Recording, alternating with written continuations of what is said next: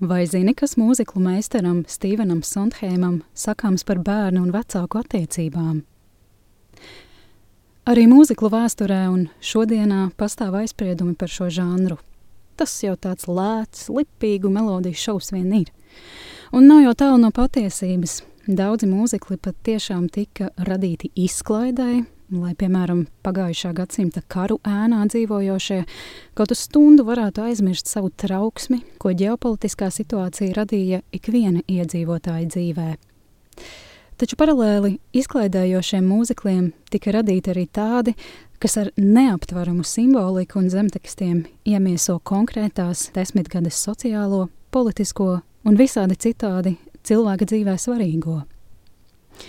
Viens no šādiem darbiem ir Stīvena Sondheima 80. gadu mūzikls Reiz mežā pēc Džeimsa Lapina lugas ar tādu pašu nosaukumu. Mūziklā satiekas tādi labi pazīstami pasaku tēli kā Pelnrušķīta, Džeks ar garo pupu, Sarkangalvīte un Vilks, Salāta lapiņa un Ragana, kā arī neviens vien izskatīgs princis. Divi jauni tēli, maiznieks un maizniece, ir galvenie un vienojošie tēli šajā stāstā, un katram no tiem ir sava vēlme. Maiznieks un maizniece cer ieņemt bērniņu. Pelnu šķīta vēlas apmeklēt karaļa balli, bet Džeks cer, kaut viņa labākā draudzene, gotiņa, būtu spējīga viņam un mammai gādāt pienu. Kad maiznieks un maizniece uzzina, ka viņu neveiksmīgie centieni ieņemt bērniņu saistīti ar žaganas lāstu, abi dodas avantūrā, lai to laustu. Visticamāk jau, ka pasaku pievilcība slēpjas to komforta pilnajā būtībā.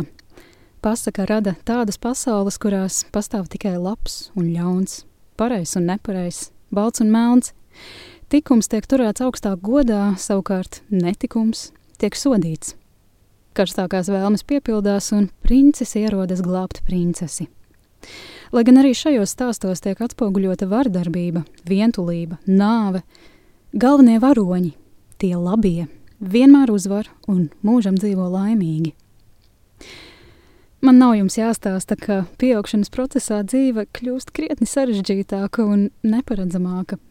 Taču šī pāreja no fantastikas uz realitāti, no bērnības uz pieaugušu vecumu, no atkarības uz pilnīgu brīvi, ir mūzikla reiz mežā pašā pamatā.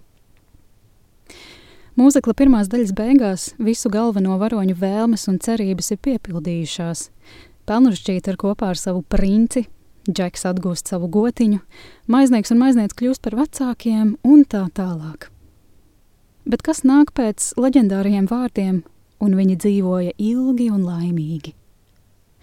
Mūzikla otrajā un, manuprāt, svarīgākajā daļā mežā atgriežas milzis, kurš gatavs izpostīt un nogalināt visu, kas stājas tam ceļā. Pelnušķītas princis savukārt atrod mīlestību citās sievietēs, bet maiznieks un maizniece nevar vien beigt strīdēties. Neviens tā īsti laimīgi nemaz nedzīvo. Bet ko šis mūzikls ar to cenšas mums pateikt? Pirmkārt un galvenokārt tas ceļo pa vecāku un bērnu attiecību sarežģītajiem līkločiem, un runā par nepieciešamību bērnu pareizajā brīdī palaist lielajā pasaulē. Ragana savu meitu salātu lapiņu 14 gadus turējusi ieslodzījumā, un šobrīd jaunajai sievietei ir ap 20 gadu. Tā pēkšņi viņas māte uzzina, ka salātu lapiņa satikusi princi un vēlas ar viņu doties pasaulē. Viņa kļūst nekontrolējami nikna. Un ne jau par vīriešu ienākšanu meitas dzīvē, bet gan to, ka salāta lapiņa ir atļāvusies satricināt ar raganas tik rūpīgi celto mūri ap meitu. Salāta lapiņa vairs nav bērns, viņa vēlas redzēt pasauli, bet ragana vairākas reizes sauc bērni neklausa un ir pārāk satraukta par pasaulē esošajiem vilkiem, lāčiem un cilvēkiem, lai redzētu to, ka pasaulē ir arī zaķi, stirnas un prinči. Bailes no kontroles zaudēšanas pār kādu var novest pie neparedzētām sakām, un par spīti savām bailēm bērna sargāšana no pasaules var nodarīt tieši pretējo. Tā var nodarīt bērnam pāri. Vai atminaties raganas izsaucienu Bērni neklausa? Šī ir galvenā mūzikla vatēma, kas viscaur stāstim vēstīja, citēju, bērni neklausa un bērniem ir jāklausa. Taču mūzikla finālā šis epitets pārtop par bērni dzird un bērni ieklausās. Amerikāņu televīzijas kanāla HBO 2013. gadā uzņemtajā dokumentālajā filmā Six by Sondheim, jeb Seši Sondheima darbi, Stīvens Sondheims atklāti runā par savām sarežģītajām attiecībām ar māti, jo bērnībā cietis no verbālas vardarbības. Neviens stāsts nerodas tukšā vietā, un ir skaidrs, ka pasaka reiz mežā ir ja ne biogrāfiska, tad Sondheima pieredze salūzīja gan.